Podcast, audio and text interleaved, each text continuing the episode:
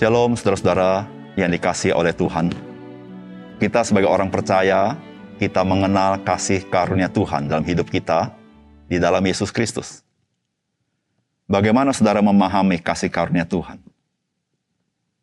Kasih karunia Tuhan adalah pemberian Tuhan yang cuma-cuma, bukan berdasarkan kebaikan kita. Namun kasih karunia Tuhan memberitahukan kepada kita bahwa kita tidak boleh menyia-nyiakan kasih karunia Tuhan. Sehingga kasih karunia Tuhan itu mendorong kita supaya kita boleh bertanggung jawab melayani Tuhan, memuliakan Tuhan dalam hidup kita. Salam jumpa dalam program Tuhan adalah Gembalaku.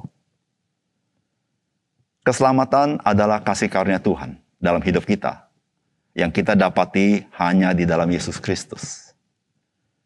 Namun kasih karunia yang Tuhan berikan kepada kita juga memberitahukan kepada kita bahwa keberadaan diri kita begitu berharga di mata Tuhan. Sehingga kasih karunia tidak membuang keberhargaan kita sebagai manusia yang diciptakan Tuhan. Apatah lagi, Tuhan melalui Yesus Kristus melahirkan kita kembali menjadi manusia yang baru. Di situlah Tuhan menghendaki kita yang sudah hidup dalam hidup yang baru. Kita bertanggung jawab untuk kehidupan yang Tuhan berikan kepada kita. Khususnya dalam hal rohani. Namun demikian juga dengan hal-hal jasmani. Bukankah hidup yang fana juga adalah kasih karunia Tuhan?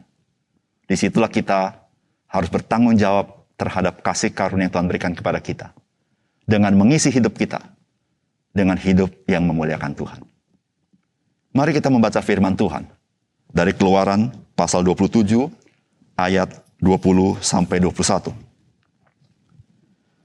Haruslah kau perintahkan kepada orang Israel supaya mereka membawa kepada minyak zaitun tumbuk yang murni untuk lampu, supaya orang dapat memasang lampu agar tetap menyala. Di dalam kemah pertemuan, di depan tabir, yang menutupi tabut hukum, haruslah Harun dan anak-anaknya mengaturnya dari petang sampai pagi di hadapan Tuhan. Itulah suatu ketetapan yang berlaku untuk selama-lamanya bagi orang Israel turun-temurun.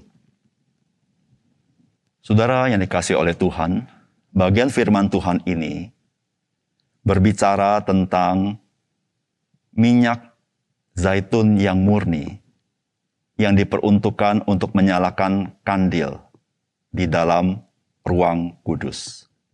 Sebelum Tuhan berbicara tentang hal yang terkait dengan imam, maka Allah memerintahkan bangsa Israel untuk menyediakan minyak zaitun murni yang berkualitas tinggi. Dari mana kita tahu?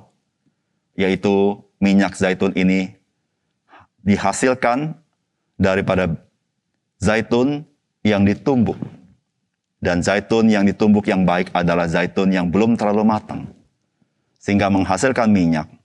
Minyak zaitun dengan keasapan yang sangat minim. Sehingga tidak menimbulkan polusi.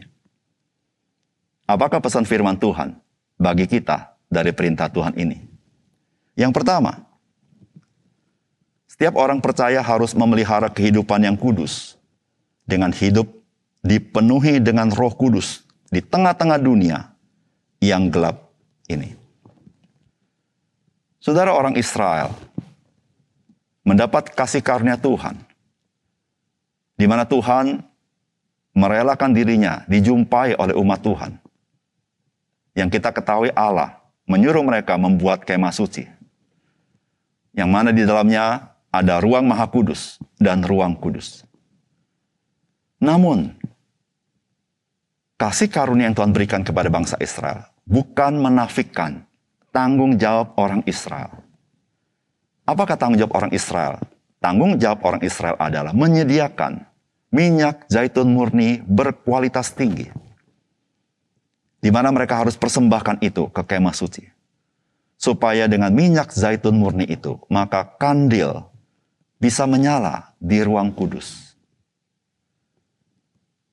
Saudara, ini menggambarkan bahwa sebagai umat Tuhan, kita memiliki tanggung jawab sebagaimana minyak zaitun itu minyak zaitun murni berkualitas tinggi. Maka orang percaya harus memelihara kehidupannya kudus.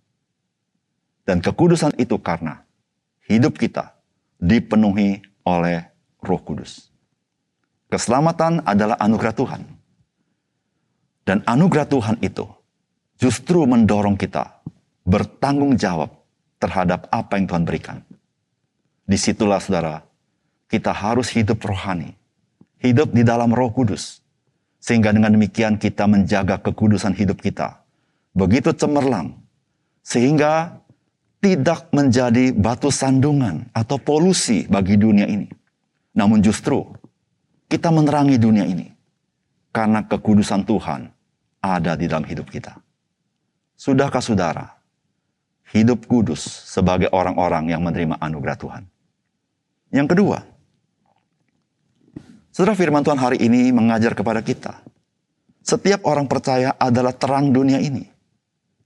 Karena setiap orang percaya telah menerima sang terang itu, yaitu Yesus Kristus. Saudara imam harus menyalakan lampu itu. Namun Yesus Kristus yang adalah imam besar kita, dia adalah terang itu sendiri. Karena dia adalah Tuhan Allah. Firman Allah berkata, Tuhan adalah terangku dan keselamatanku. Dan Yesus datang ke dalam dunia. Dia adalah terang itu sendiri. Dan bagi kita yang percaya kepada dia, kita telah menerima terang itu. Sehingga kita menjadi anak-anak terang. Oleh karena itu firman Allah berkata dalam Efesus pasal 5 ayat 8. Memang dahulu kamu adalah kegelapan. Tetapi sekarang kamu adalah terang di dalam Tuhan. Sebab itu hiduplah sebagai anak anak terang. Saudara kemah suci, dari petang sampai pagi, harusnya gelap. Namun, dari petang sampai pagi, kandil itu harus menyala melalui minyak zaitun murni. Sehingga kemah suci itu selalu tampil cemerlang. Memberitahukan kepada kita bahwa orang percaya adalah bait roh kudus yang harus menyala bersinar di tengah-tengah dunia yang gelap. Karena Kristus. Yang ketiga, setiap orang percaya adalah bait roh kudus. Yaitu roh kudus tinggal di dalam orang percaya. Sehingga kehidupan orang percaya berada di dalam Tuhan dan di hadapan Tuhan. Saudara kemah suci, Tuhan perintahkan dibangun oleh umat Israel. Dan kemah suci itulah Tuhan hadir di dalamnya. Sehingga ketika orang Israel datang ke kemah suci, mereka berjumpa dengan Tuhan. Namun, di dalam Tuhan menggenapi janjinya, maka Tuhan sesungguhnya di dalam Yesus, ketika kita percaya kepada Dia, maka kita menjadi bait Roh Kudus di mana Roh Kudus tinggal di dalam kita. 1 Korintus pasal 6 ayat 19 berkata, atau tidak tahukah kamu bahwa tubuhmu adalah bait Roh Kudus yang diam di dalam kamu. Roh Kudus yang kamu peroleh dari Allah dan bahwa kamu bukan milik kamu sendiri. Saudara sebagai orang percaya, kita bersyukur kepada Tuhan. Karena kita bisa beribadah kepada Tuhan dalam roh dan kebenaran. Dan hidup kita selalu berada di hadapan Dia. Hidup kita selalu berada di dalam Dia.